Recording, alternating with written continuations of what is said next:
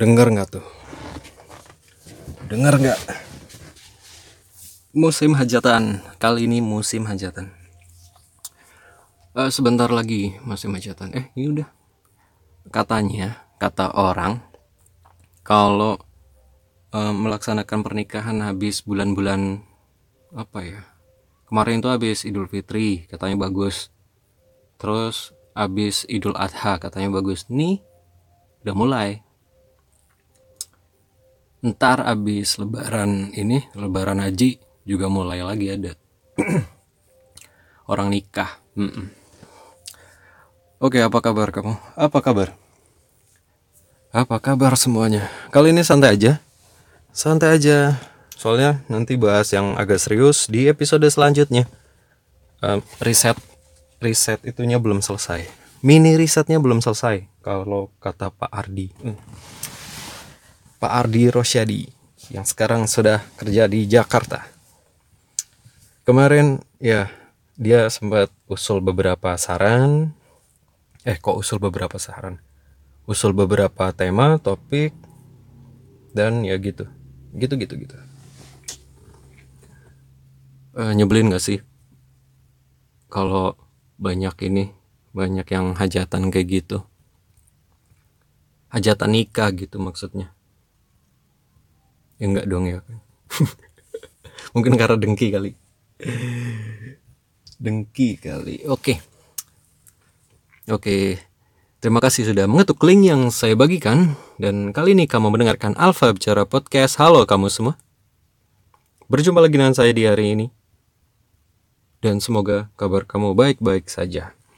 Saya sambil ngeteh. Bentar ya. Hmm kalau kamu mau sambil minum-minum juga nggak apa-apa. Ambil minumannya dulu. Em, mau minum apa terserah. Teh, air putih, kopi terserah. Tapi lebih baik sih air putih aja, air mineral. Sesekali yang berwarna, eh, rasanya aneh-aneh itu juga nggak apa-apa. Tapi banyakin air mineral supaya jeroannya bagus. Katanya sih gitu. Bentar, minum lagi. Kedengeran nggak tuh suara gending? Kenapa ya kalau orang hajatan itu nikahan? Kalau di kampung ya kalau kamu di kota mungkin enggak mungkin cuma satu hari. Atau maksimal mungkin dua hari. Atau malah nggak sampai satu hari setengah hari doang itu. Pesan atau nyewa tempat di suatu tempat yang buat resepsi atau acara udah gitu kelar.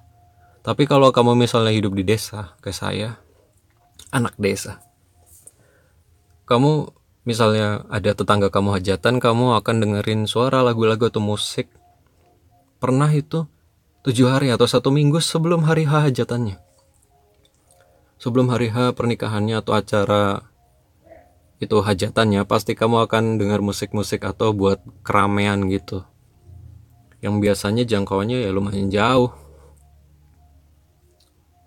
Hmm gitu. Harus gitu ya tapi nggak apa-apa saya saya nggak bukan nggak setuju ya nggak apa-apa sih. Asalkan tahu jamnya jam-jamnya. Tahu jam di mana harus membunyikan suara dengan keras dan nggak boleh membunyikan suara dengan keras gitu. Ya beruntungnya kita itu hidup di Indonesia bukan hidup di negara yang di mana-mana aturannya sangat ketat. Polusi suara gitu. Kayak di mana ya di Amerika atau di Inggris atau bahkan di Singapura mungkin. Kalau mau buat atau membunyikan suara yang jangkauannya keras itu harus ada izin dan memang alasannya itu tepat gitu. Orang azan aja kadang nggak boleh ada yang nggak setuju hmm, ya gitu.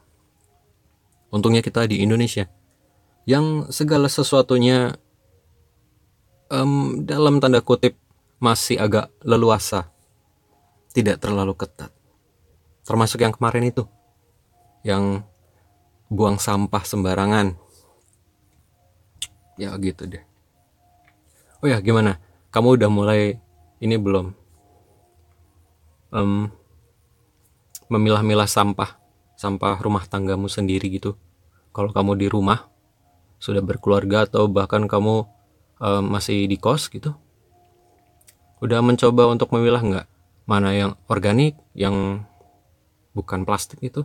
Mana yang anorganik mana yang plastik kaleng dan gitu. Memang untuk memulai atau merasakan dampak perubahan yang masif harus dimulai dengan diri sendiri dulu. Tapi kalau misalnya di suatu lingkungan atau di suatu titik yang memulai seperti itu kamu doang gitu ya mungkin dampaknya nggak tahu ya kerasa atau enggak dan imbas dari kegiatan itu atau perilaku bersih bersih itu atau yang positif gitu berasa nggak sih gitu kalau kamu sendirian kalau bareng bareng maksudnya punya partner juga gitu orang lain dalam satu lingkungan itu juga melakukan hal yang sama seperti kamu, kemungkinan berhasilnya tinggi. Tapi kalau enggak ya ya gitu sih. ya gitu. Gak tahu. Apa sih mau bahas apa ini? Oh ya. Uh, jujur aja saya hmm, jarang banget ngikutin info berita di TV karena jarang nonton TV TV itu paling kalau mau lihat bola doang.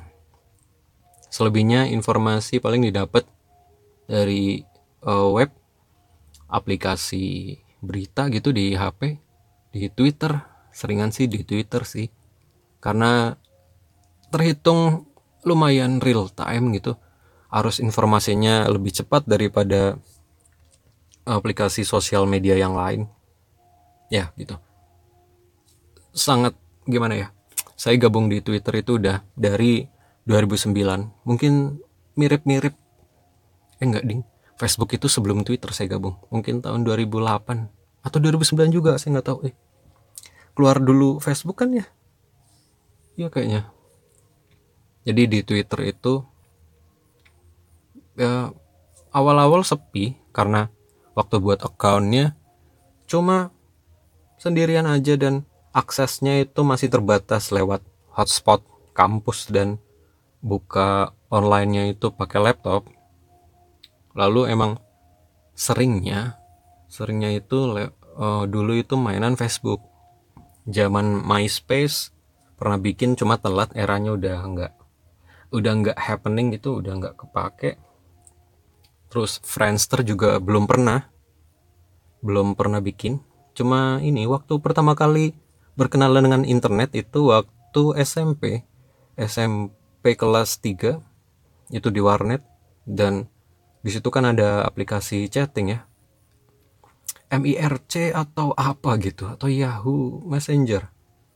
Yang jelas ada aplikasi chatting atau berkirim pesan itu antar bilik warnet yang sedang disewa gitu. Jadi antar pengunjung warnet walaupun nggak kenal bisa ini bisa kontak-kontakan. Dulu warnet pertama yang saya kunjungi itu yang modelnya terbuka dan isinya anak-anak sekolah semua jadi waktu pertama masuk di warnetnya gitu tanya dulu sama operatornya sama OP warnet. Gitu, tanya ada yang kosong mas? Gitu. Hmm, uh, bentar ya mas kalau misalnya kalau misalnya ini nggak belum ada yang kosong masnya bilang belum ada mas gitu. Tunggu ini sebentar lagi selesai nih yang paketan nih gitu. Biasanya kalau enggak ya itu ada mas nomor sekian. Dan waktu kita mau masuk ke bilik itu kan ngelewatin uh, jalan ngelewatin bilik-bilik yang lain nomor-nomor yang lain dan biasanya kelihatan siapa aja gitu. Dan teman kan ada yang iseng karena tadi waktu menuju ke bilik itu ada lihat ini lihat lihat cewek gitu. Wah ada ada cewek nih di nomor berapa? 23 misalnya gitu. Habis itu habis online eh chat dong chat ini di nomor 23 gitu. Hai gitu. Hai gitu.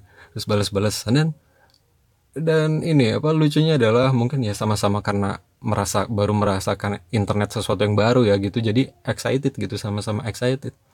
Hai hai juga dibalas akhirnya hmm, karena mungkin lihat sama-sama masih pakai seragam sekolah gitu eh, eh boleh ke situ nggak gitu kenalan? Ya akhirnya kenalan gitu ada yang kenalan. Tapi aku enggak sih. Waktu SMP aku penakut. Nggak berani. Nggak berani dan kebetulan karena waktu SMP itu aku adalah ya hmm, gimana ya? Itu aku sekolah di sekolah yang bapakku jadi guru juga di sana dan waktu itu waktu kelas 2 eh, jadi ketua OSIS juga. Entah ya itu ya. Itu emang saking nggak ada yang mau jadi ketua OSIS akhirnya saya dipilih buat pemilihan gitu dicalonin atau emang sengaja gitu buat buat apa ya? Mentang-mentang anaknya guru gitu. Saya nggak tahu sih. Yang jelas waktu pertama kali hmm, eh jadi ketua osis sekali apa? Dua periode eh satu periode ding nggak mungkin dua periode. Ya satu periode. Dan itu selisihnya cuma satu suara. Itu cuma satu suara. Teman saya pernah bilang gini saya masih ingat ke waktu dia ini ya minta traktir gitu ya kan biasa teman. Traktir dong gitu. Kan kalau kalau ini loh inget loh waktu pemilihan ketua osis kalau aku nggak kalau aku nggak milih kamu nggak nulis nama kamu kan kamu nggak bakal jadi ketua osis gitu. Terus aku batin ya emang kenapa? gitu. Ketua osis juga nggak ada gajinya. Um, fasilitas yang didapat apa gitu nilai juga biasa aja nggak nggak didongkrak nggak diapa-apain. Jadinya karena masih anak guru dan jadi ketua osis akhirnya agak-agak gimana ya kalau mau nakal itu ya agak mikir lah gitu. Karena satu anak guru pasti di ini kalau macam-macam nama orang tua yang kena dan ketua osis itu pasti dilihat terus kan sama guru-guru um, sama adik kelas juga ada gitu. Bentar minum dulu minum santai. Hmm. ya dilihat dilihat ini tindak tanduknya. Dan ya yang lucunya adalah merasakan betapa jadi pemimpin itu kadang nggak enak kalau misalnya nggak siap gitu. Uh, mana masih kosong kan. Ya sebelum jadi ketua osis itu kan emang sudah jadi anggota osis dulu satu periode satu tahun. Tahu ininya lah apa yang dilakuin apa yang nggak boleh um, ADART-nya juga ada kegiatan apa aja yang dilakuin. Dan setelah jadi saya selalu berpikiran kan kalau misalnya dalam satu struktur organisasi kan ada ketua, wakil, terus seksi apa sekretaris, bendahara seksi apa gitu banyak kan. Jadi kalau ketua itu apa puncaknya gitu puncak kepemimpinan itu paling ya tugasnya ngawasin lah. Nanti mengkoordinir nanti tanggung jawab gitu kan. Tapi ternyata ya karena lingkupnya mungkin karena SMP dan SMP-nya bukan yang di kota gitu. Ya di ya lumayan sih bagus sih. Tapi maksudnya mungkin hmm, mungkin anak-anaknya mungkin belum tahu atau belum paham bagaimana struktur organisasi atau caranya cara bekerjanya gitu dalam dalam organisasi gitu. Jadi di sana ya malah kadang-kadang program yang enggak yang enggak ini bentar ya. Hmm, minum dulu.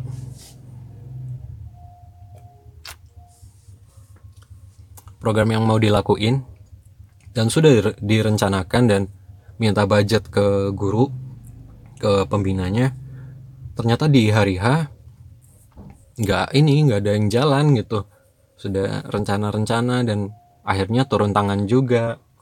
Dulu pernah ada kegiatan lomba lomba olahraga waktu habis ujian gitu karena saking nggak ada orangnya atau anggotanya entah ke mana karena waktu itu juga aku nggak berani merintah macam-macam kan agak canggung gitu. Akhirnya aku lakuin sendiri jadi juri sendiri jadi tukang ngambil bola sendiri bersih bersih sendiri ya gitu deh sendiri malah jadi kacung. Ya pemimpin itu kacung sih tapi nggak gitu juga sih. Kalau ada duitnya pasti kalian mau. Karena nggak ada duitnya dan dinilainya juga nggak ngaruh gitu jadinya ya nggak ada yang mau. Uh, be beberapa guru ada guru yang komplain juga kamu kok keluar kelas mulu sih? Gitu. Ini kamu udah absen izin keluar kelas itu beberapa kali gitu. Ini nggak kamu nggak ini ngelewatin materi gini gini gini gitu. Akhirnya beliau itu lapor ke bapak saya gitu kan ya gimana? Orang namanya juga organisasi tapi kan juga belajar gitu di kelas. Di kelas juga saya nggak nggak bandel-bandel amat cuma komplainnya paling keseringan ngelamun gitu. Tapi nggak tahu padahal biasa aja sih. Tapi emang agak uh, sering kali kalau saya belajar tuh agak hilang fokus. Misalnya di pelajaran yang kurang inilah kurang kurang ikat gitu di minat saya gitu. Kayak matematika fisika dulu biologi itu masih favorit sih masih suka. Biologi masih suka. Ekonomi yang ada hitung-hitungannya pokoknya saya benci gitu. Nggak tahu kenapa. Tapi waktu SMA itu sempat les juga privat dan ternyata asik ternyata matematika. Kalau diajarin sama guru yang asik juga yang tahu gitu gimana caranya bikin murid happy dan mudeng. Gitu kok malah jadi bahas SMP ya gitu deh waktu pertama kali ya pertama kali kenal sosmed dan internet itu di SMP dan gitulah mulai punya HP Nokia dan yang ini yang Java itu Express Music. Waktu itu saya beli second waktu itu Engage gitu Nokia Engage itu ya segituan sih secondnya. Satu dua sampai satu tiga gitu tapi nggak kebeli. Waktu itu kan hype banget. Sama Nokia 6600 kenyang bentar. Ya. Nokia 6600 nggak kebeli tuh. Dan malah kebeli hmm, HP 6680 6680 atau 6630 gitu pokoknya. Itu dapat harga 1,2 juga second yang kabel datanya itu masih panjang banget dan kalau mau konekkan ke komputer itu harus install PC suite-nya. Ada CD kecil gitu dan nggak pernah jadi diinstal gitu. Habis diinstal juga nggak nggak mau transfer datanya nggak connect. Nggak tahu kenapa. Dan di situ mulai hmm, dulu paketan internet apaan sih? Kan belum ada kan ya? Kalau nggak salah ada ini seluler seluler apa sih saya dulu nggak pernah pakai Indosat Telkomsel terus kartu as gitu. Soalnya waktu itu ada promo kartu as atau Telkomsel gitu kartu as kan segmennya anak muda nih anak sekolah pelajar. Itu gandeng nama sekolah gitu jadi kalau kamu misalnya sekolah di situ ada paket khusus buat kamu. Satu bulan atau berapa gitu satu hari pokoknya ada paket khusus lah yang misalnya 10.000 gitu nanti kamu daftarin. Kalau nggak salah operator itu juga ngeluarin tarif internet 1 KB itu 1 kilobyte itu eh satu rupiah itu satu kilobyte gitu. Dan di situ kan ada Opera Mini. Opera Mini itu buat buka ya mulai deh buka aktif bersosial medianya lewat Facebook di Opera Mini itu. Facebook lumayan banyak. Dulu awal-awal juga nggak kenal. Pokoknya ngeetin siapa ya? Nama siapa? Ketika aja nama ada muncul wow kayaknya asik nih kalau di follow eh di add nih add add add add gitu. Add semuanya. Lalu kemudian waktu lulus SMA dan uh, kuliah di tahun 2009 itu mulai terbuka buat eh bu mulai terbuka. Mulai kenal gitu. Nggak tahu kena apa taunya dari mana tapi ada Twitter.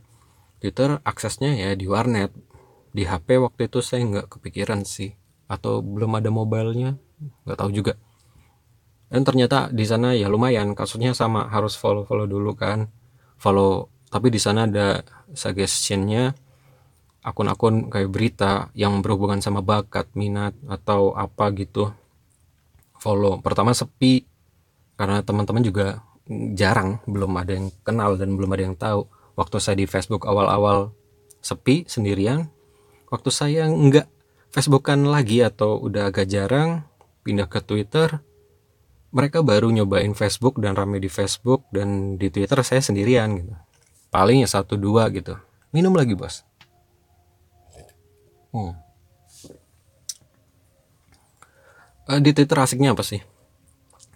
Twitter itu asiknya ini bukan bukan membanggakan atau gede-gedein Twitter ya. Yang pertama itu yang tadi saya bilang arus informasi atau akses informasinya itu cepet banget. Uh, misalnya ada berita di negara mana gitu atau yang mengepost itu yang memposting berita itu dari mana gitu ada akun sosial atau fenomena kejadian alam atau apa gitu berita yang lagi mau happening gitu dalam hitungan detik atau menit real time gitu ada. Misalnya saya kan suka Manchester United. Jangan marah ya banyak yang membenci soalnya sama MU saya suka MU dan suka sama sepak bola. Itu hobi yang mulai rutin waktu ini waktu ngekos sebenarnya. Dulu nggak terlalu. Ngekos akhir-akhir sampai sini kok jadi keasikan nonton bola dan mengikuti perkembangan sepak bola gitu. Asik aja sih nontonnya rame. Jadi waktu misalnya ada ini kan jendela transfer nih kemarin sih. Jendela transfer. Jadi misalnya ada transfer pemain uh, detik ini ada yang mempost gitu dari situs berita atau reporter mana gitu langsung kesebar semuanya ke seluruh dunia, dunia gitu. Soalnya ada yang nge-like ada yang retweet. Nanti yang di nge-retweet itu di retweet sama orang lain sampai mungkin kalau misalnya saya nggak follow orangnya sumber infonya langsung mungkin teman saya misalnya meretweet atau melike nanti muncul di beranda saya. Jadi cepat banget arus informasinya. Kayak misalnya informasi bencana alam. Itu juga cepat. Misalnya kejadian saat ini satu atau dua menit lima menit kemudian semua orang se Indonesia atau sedunia malah udah tahu gitu. Sebelum bantuan datang atau sebelum kita dikasih tahu sama BMKG atau badan yang berwenang gitu Basarnas atau apa. Dan kemarin juga um, soal mati lampu itu kan juga infonya tuh cepat banget. Dari uh, desas-desus kenapa mati kenapa uh, apakah ini penyebab penyebabnya adalah pohon sengon gitu. Terus uh, ada yang memposting atau gara-gara listrik mati ikan kuenya mati gitu lalu mulai muncul ini apa berita tentang isu buat motong gaji karyawan PLN gitu untuk kompensasi dari matinya listrik ini. Dan muncul banyak banget berita seperti itu. Arus beritanya banyak sumber beritanya juga banyak tapi mungkin emang karena saking banyaknya dan cepatnya harus dipilih dengan baik gitu sih. Jadi nggak semuanya bisa langsung dipercaya tapi bolehlah buat referensi sebentar oh ada info ini. Nanti kepo lagi tunggu beberapa menit atau beberapa jam mungkin ada update beritanya lagi. Ya gitu sih. Terus kenapa di twitter? Kita memposting kontennya itu sangat mudah gitu. Nggak kayak di uh, Instagram. Instagram kan mempostingnya uh, postingannya itu kan kontennya adalah gambar kalau nggak video uh, makin ke sini saya makin dikit ngambil gambar. Um, ya kalau penting atau kalau butuh atau kalau emang harus didokumentasikan gitu. Jarang banget uh, iseng dan setiap hari ambil foto selfie atau foto uh, dashboard mobil, setir mobil atau speedometer atau sepatu. Ya gitu sih ya gitu.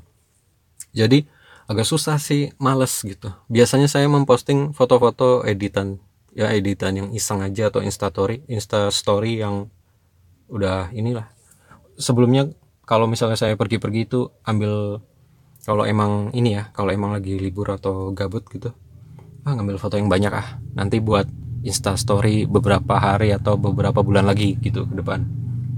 Karena jarang banget sih saya update real time. Sedangkan di Twitter saya bisa kapan aja sih karena mempostingnya itu kan mini blog gitu.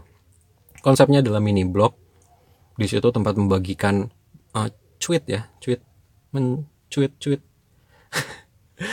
apa sih mencuit tweet? Apa ya? Ya meng, berkicau, berkicau itu. Berkicau tentang opini. Jadi kita bebas beropini opini lewat tulisan tulisan saat ini misalnya mau apa ya ah lapar gitu nulis lapar langsung bisa di post gitu bisa juga gambar tapi bukan konten utamanya gambar dan video gitu kalau di Instagram bisa posting tulisan tanpa gambar sih ya oke okay sih tapi nggak itu fokus fokus Instagram kan emang uh, gambar video gitu emang makin ke sini beberapa sosial media emang berubah fungsi dan memang dinamika gitu. Facebook pun Facebook pun pertama kali juga saya yakin cuma buat pertemanan gitu. lalu makin ke sini ternyata ramai untuk jual beli ada grup jual beli ada grup komunitas pecinta apa gitu hobi. Dan terus apa ada fitur marketplace uh, macam-macam lah video gitu-gitu. Tapi saya nggak terlalu suka karena apa ya algoritmanya udah berubah. Bukan real time lagi. Dulu itu real time. Misalnya saya buka saat ini uh, postingan yang tertera di beranda saya itu adalah postingan yang saat itu juga di post gitu rata-rata uh, sekarang kan enggak di sosial media. Jadi tergantung apa ya algoritmanya ya? Jadi tergantung uh, seberapa besar kamu interaksi sama akun orang lain gitu ya kemungkinan nanti akun itu atau konten-konten yang di uh, ya konten-konten akun yang berinteraksi sama kamu itu yang kemungkinan sering muncul nanti. Kecuali kamu mau scroll scrolling down terus gitu sampai nemu temenmu gitu. Ya gitu algoritmanya udah berbeda ada plus ada minus. Ya mungkin karena perubahan fungsi dari sosial media uh, sosial media itu menjadi dari dari tempat untuk berinteraksi dengan teman jadi tempat jualan tempat apa ya membranding produk. Ya gitu deh. Dan kalau misalnya orang bisa nyari duit di Facebook kan lalu orang sangat bisa untuk nyari uang di Instagram di Twitter juga dulu ada seleb tweet seleb tweet yang itu itulah itulah. Uh, tweet berbayar juga ada dulu tapi makin ke sini kayaknya udah jarang karena penggunanya juga kebanyakan lari ke Instagram. Tapi waktu beberapa hari ya eh bulan ya beberapa bulan yang lalu waktu sosial media itu down karena Instagram WhatsApp itu kan juga punya Facebook kan sudah diakuisisi. Jadi waktu Facebook down semuanya down Instagram down WhatsApp down. Twitter aman larilah mereka ke Twitter.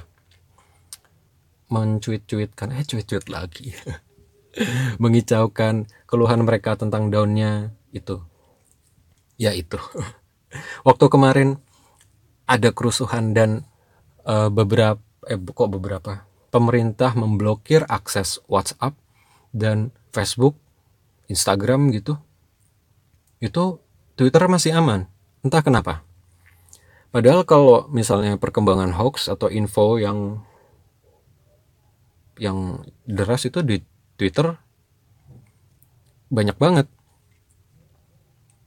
Ya entah sih. Entah. Bentar. dengar nggak tuh wayang ya di Twitter aman um, entah sih nggak tahu ya. Lalu ada pembatasan ini. Apa sih namanya? Kalau saya up, upload foto uh, video gitu misalnya video klip siapa gitu di Twitter aman sih. Tapi kemarin-kemarin beberapa saya kan suka sharing ini video atau video musik yang lagi saya suka. Misalnya lagu lama bu jarang banget sih lagu-lagu baru lagu lama yang lagi saya dengerin terus-terus saya ah iseng ah posting. Nggak ada bahan kan? Nggak ada bahan postingan di Instagram. Akhirnya saya posting lagu lama gitu kayak kemarin The Beatles. Karena beberapa lah postingan Instagram saya itu di take down. Ada berapa ya? Banyak pun ada banyak banyak. Ada lagunya ini Oasis itu di take down juga. Lagunya The Beatles di take down juga. Terus lagunya Nat King Cole juga di take down. Malah sama kayak YouTube ya gitu ya. Ada padahal kan upload video di Instagram itu kan nggak bisa dimonetize juga dan maksudnya kan ya eh, membranding kan. Lagian kan juga lagu lama kan tidak menggunakan konten itu untuk yang itulah. Nggak kayak di YouTube. YouTube kan bisa dimonetize gitu bisa diambil duitnya. Instagram kan enggak. Kalau misalnya kita bukan influencer yang ini yang uh, tukang promote produk mm -mm. itu kenapa? Terus juga saya pernah nonton film itu di Facebook. Waktu paketan kuota paketan nol dan ternyata masih ada kuota aplikasi Facebook. Banyak banget itu nggak kepake. Iseng aja. Waktu itu nonton film apa sih? Ya gitu deh uh, ada The Rocknya aktornya The Rock Dwayne Johnson. Itu saya iseng sih iseng. Oh ya Kong King Kong Kong. Ya gitu deh.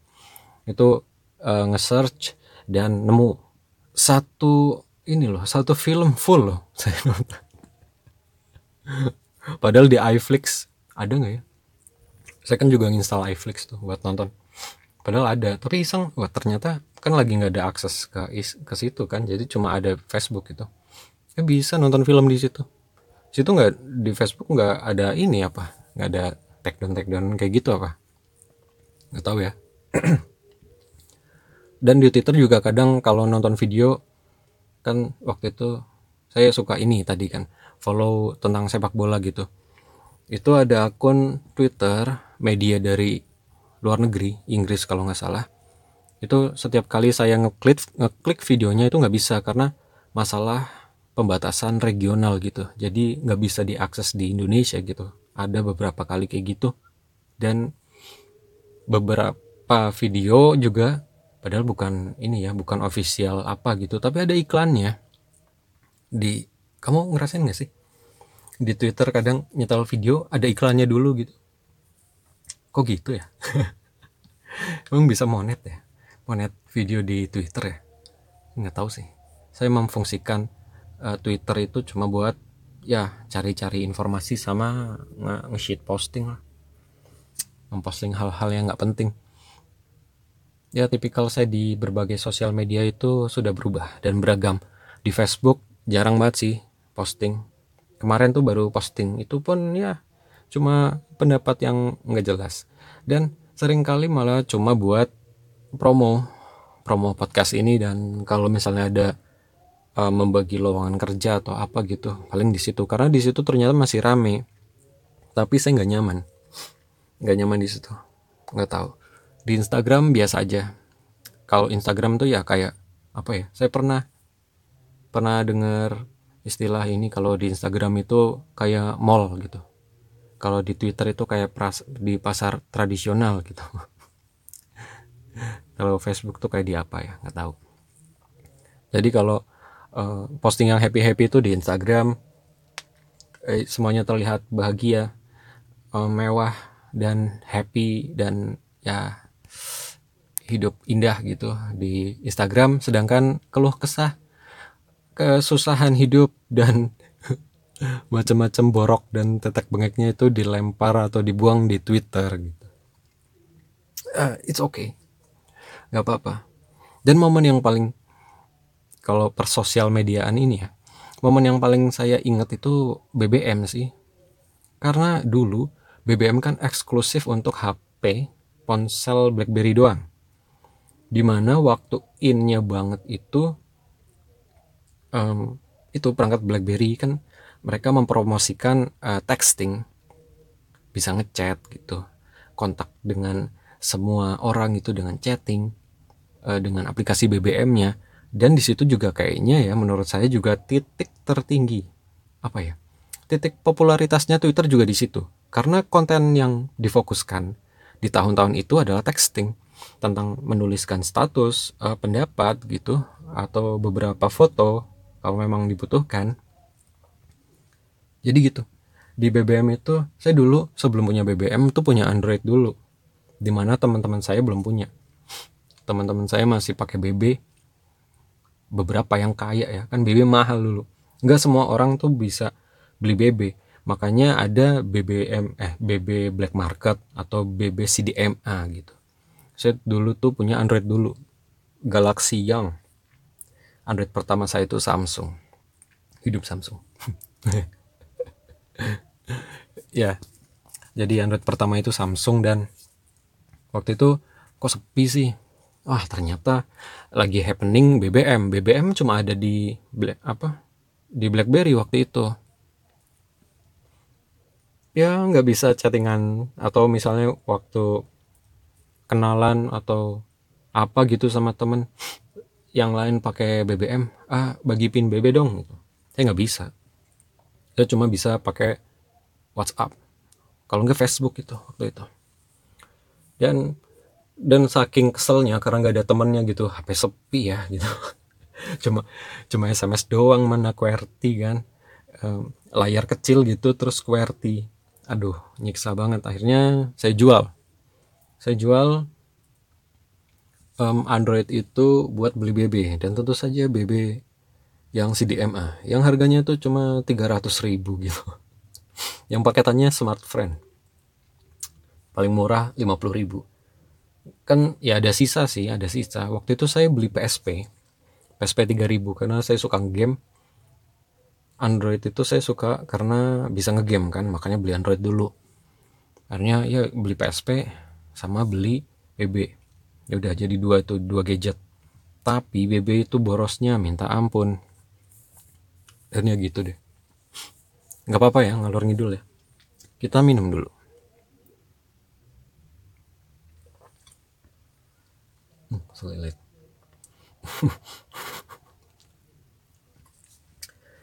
ya. Borosnya minta ampun.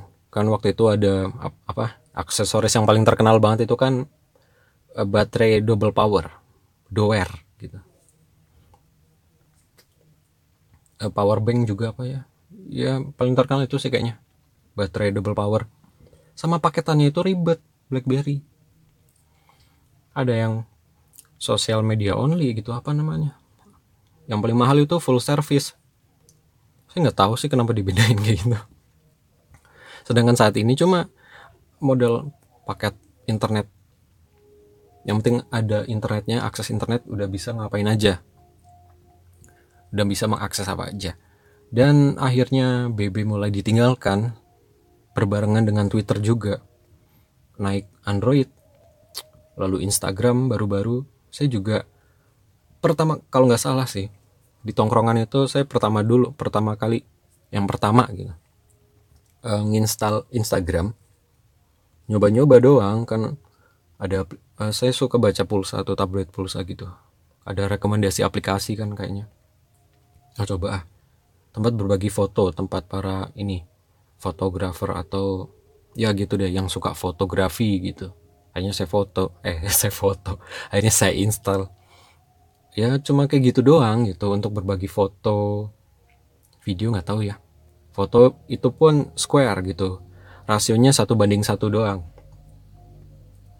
Dan ya karena nggak ada yang ini teman saya apa tuh Instagram gitu ini tempat bagi foto. Kok di BB nggak ada waktu itu kan? Uh, BlackBerry upboardnya itu kan kadang emang nggak up to date gitu sama kayak Windows Mobile. Saya juga pakai juga dulu Windows Mobile. Ekosistemnya aplikasinya tuh nggak nggak terlalu bagus gitu. Ya makanya dong pakai Android gitu. Dan ya sekarang sudah beralih ke Instagram semua. Dan memang setiap sosial media itu dulunya mungkin kan kita pasti di pernah dengar presentasi dari owner atau pemiliknya gitu. Ini buat apa ya? Menghubungkan atau mengkonekkan orang ke seluruh dunia gitu dengan teman-teman kita yang di masa lalu atau masa lalu. Yang dulu gitu teman-teman yang dulu sama yang sekarang gitu biar connect lagi biar bisa mudah ditemukan gitu. Tapi makin ke sini kan bergeser. Ternyata konten dari orang itu bisa berbayar, bisa menghasilkan uang, bisa jualan di situ, bisa jadi influencer tadi, bisa jadi seleb tweet, bisa jadi selebgram, Facebook apa? Selebbook gitu, seleb face. apa gitu ya gitu bisa jadi orang lah gitu, tokoh online gitu. Hanya bergeser jadi bisa jualan, mulai ada promote promote produk, lalu juga, Facebook juga Facebook Instagram Twitter juga menyediakan buat kamu yang pengen memiliki jangkauan lebih luas gitu. Tweetmu atau kontenmu yang kamu post itu jangkauannya lebih luas bisa mempromosikan akunmu sendiri gitu postinganmu dengan bayar gitu. Mulai bergeser fungsi dari sosial media itu. Yang mungkin juga sedikit banyak punya dampak ke psikologis kita. Di mana dulu kita buat memposting sesuatu itu tanpa mikir ya, tanpa mikir panjang, ah editing apa gitulah gitu. Uh, teman-teman masih nge-like, komen dan masih asik gitu. Tapi ternyata sekarang sudah ada tekanan buat aku harus ada ini nih yang like banyak nih. atau aku harus di highlight sama orang ini nih gitu nih mulai deh pasang tagar gitu. Tagar-tagar itulah. Lalu mulai ada tekanan kok yang like segini doang gitu. Yang like postinganku juga segitu-gitu doang sih nggak banyak sih walaupun followernya 900 ya nggak banyak juga 900 ya tapi uh, saya pernah kayak gitu sih. Pernah merasa kok segini doang sih? Temanku ke mana sih? Pada nggak suka sama aku apa gitu. Kadang memunculkan sebuah persepsi dan mungkin itu masuk ke penyakit kejiwaan mungkin ya. Sudah sifatnya beralih jadi narsistik gitu. Ya gitu seiring perubahan fungsi atau perluasan fungsi mungkin mereka menyebutnya dari sosial media. Entah itu Instagram, Facebook, Twitter. Ya gitu sih saya pengen keluar dari sosial media. Cuma satu hal yang masih mengganjal atau masih membuat saya ada di sana itu adalah saya masih pengen ngeliat teman-teman saya. Apa yang mereka lakukan atau yang mereka bagikan hari ini gitu. Atau perasaan mereka saat ini sedang apa sih yang ini? Saya tuh seneng banget sih kalau masih ada teman-teman yang emang terkonek di sosial media gitu. Oh ternyata dia masih aktif gitu. Oh saat ini uh, bentukannya tuh kayak gini dan dia sudah mencapai ini gitu gitu. Kadang nyenengin sih gitu. Kadang juga jadi eh apa kabar? gitu. Eh lama ya nggak ketemu gitu. Ya, ya sesuai fungsinya saya suka kayak gitu. Dan ketika keluar ya karena emang sekarang kan teman saya rata-rata yang, yang dulu ya waktu sekolah dan kuliah itu udah jauh mencar-mencar kadang kangen. Ya salah satu lihat tempat buat ngelihat mereka dari kejauhan ya lewat situ. Ya gitu. Tapi toksiknya juga banyak. Misalnya beberapa orang ya emang mungkin yang salah adalah yang ngelihat mungkin ya karena merasa iri dengki atau merasa terkucilkan atau jadi kecil gitu. Beberapa orang atau teman kita emang juga senang buat memposting ini ini itu gitu kesenangan yang sedang mereka rasakan. Walaupun memang kadang kesenangan mereka itu buat jadi kesakitan buat kita gitu. Eh, tapi kan bukan sepenuhnya salah mereka mungkin memang situasinya kita aja nggak tepat dan memang kita harus benar-benar pintar-pintar memainkan sendiri. Jangan terlalu sering dan mungkin kalau memang bukan bukan apa ya pekerja atau mencari uang di sosial media ya jangan terlalu baper gitu mungkin ya. Kalau buat sesuatu gitu. Dan jujur aja kenapa saya bikin podcast bukan karena uang atau famous. Fame. Bukan. Bukan bukan bukan pertama aktualisasi diri eksistensi iya mungkin. Saya bisa ngelakuin ini. Uh, seperti yang uh, tadi tadi saya bilang saya kalau ada sesuatu yang baru nyoba duluan tapi nggak selalu ahli sih gitu. Kayak Facebook duluan teman-teman belum. Instagram duluan Twitter duluan. Dan podcast saya belum tahu sih teman saya yang punya podcast lain gitu yang udah coba bikin podcast juga gitu. Saya nyoba walaupun mungkin saya nggak bakal gede gitu tapi saya merasa nggak ada salahnya buat dicoba karena emang ini free gratis dan ya gitu sih saya nggak membayar sepersen pun uang buat memposting ini. Karena kemarin itu beritanya adalah Spotify itu sudah mengakuisisi salah satunya Anchor buat mengedein platform podcast juga. Gitu. Jadi ya saya mikirnya mindsetnya adalah podcast ini adalah salah satu dari media sosial yang sudah saya coba tadi atau saat ini masih saya pakai gitu.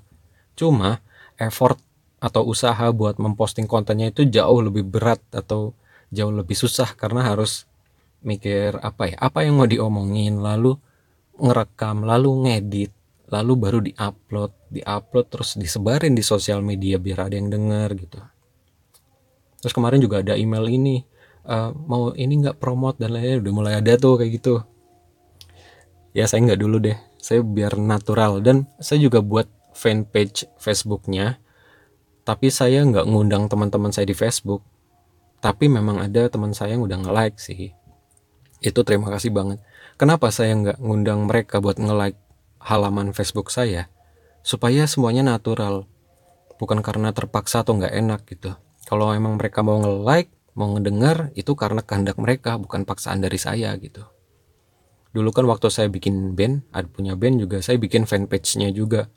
Ngelakuin uh, promote uh, ngundang teman-teman buat nge-like halaman saya gitu. Ya memang pada like gitu.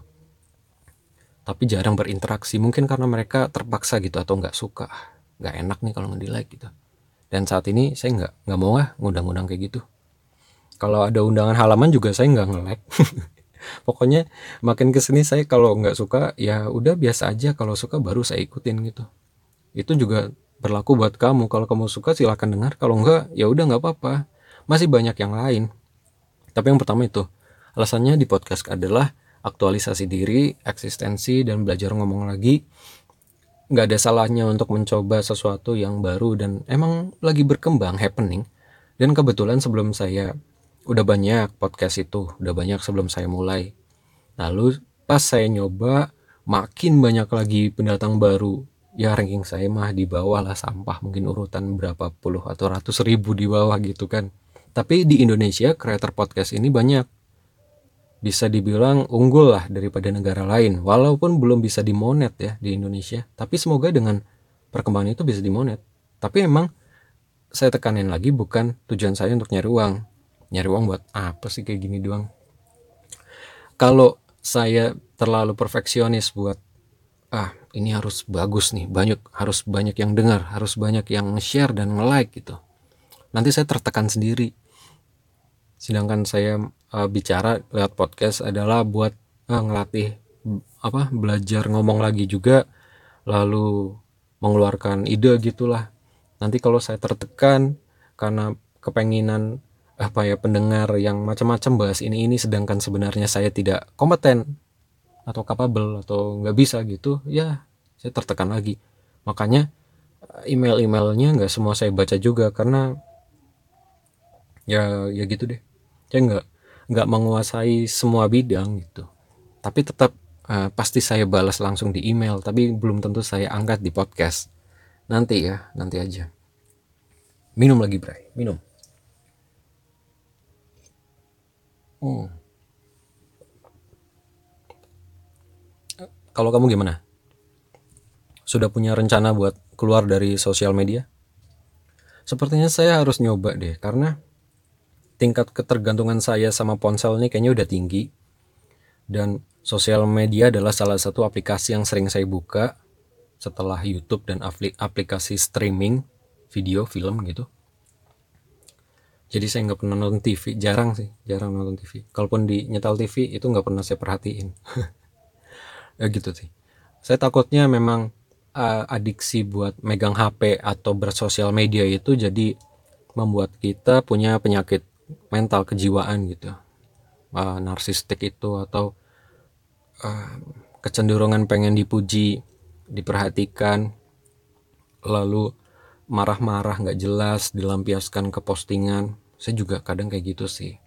Makanya saya merasa hmm, kalau saya keluar mungkin bisa lebih produktif gitu. Tapi ya mungkin keluar 100% nggak bisa mungkin dibatasi satu minggu dua kali atau sebulan dua kali atau seberapa gitu. Bisa jadi sih bisa jadi bisa. Boleh dicoba. Boleh dicoba. Demi kehidupan mental yang lebih baik. Karena tekanan banyak banget kasus-kasus tertekan di media sosial gitu. Ya istilahnya banyak yang baru-baru penyakit mental itu gara-gara sosial media dan macam-macam itu. Jadi nggak ada salahnya sih. Ya mungkin beberapa bulan atau minggu lah ke depan mungkin saya akan coba. Nanti saya posting kalau misalnya mau promo aja kan soalnya ya saya harus promo juga gitu. Salah satu biar ada yang dengar juga harus dipromoin. Ya walaupun saya nggak nguber fame atau duit ya ya salah satu usaha kan. Biar ada yang denger gitu. Maksudnya pendengarnya itu nggak nggak capek buat uh, nyari nge-share apa nge-searching nama Alfa Bicara di Google atau di Spotify. Jadi langsung nge ngetuk link yang ada di story atau di postingan Instagram gitu kan atau di Facebook gitu. Ya gitu deh um, hampir satu jam dan saya sudah serak. Dan masih denger nggak tuh wayangnya? Ya gitu deh. Saya iri kapan ya? Ya gitu deh doain ya. Saya doain kamu juga biar cepat menggapai apa yang kamu pengen dan terima kasih sudah mendengarkan ocehan saya. Uh, mohon maaf kalau ada salah salah salah kata dan episode kali ini santai nanti di episode selanjutnya baru saya bahas yang lebih serius. Ya tentang apa? Tunggu aja. Pokoknya agak serius sih jadi kamu siap-siapin aja. Dan terima kasih sudah mendengarkan.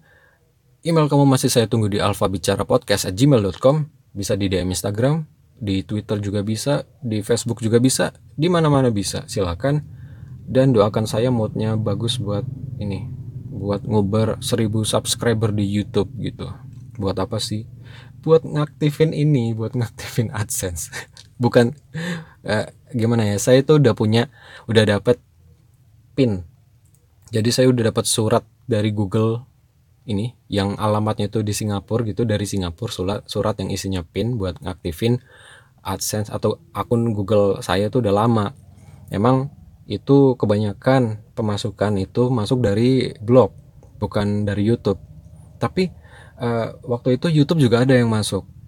Waktu apa namanya syarat dan ketentuannya itu belum berubah. Sekarang rulesnya itu udah berubah. Jadi watch time-nya itu harus berapa dan subscribernya itu minimal 1000 jadi saya udah nggak bisa iniin YouTube lagi gitu.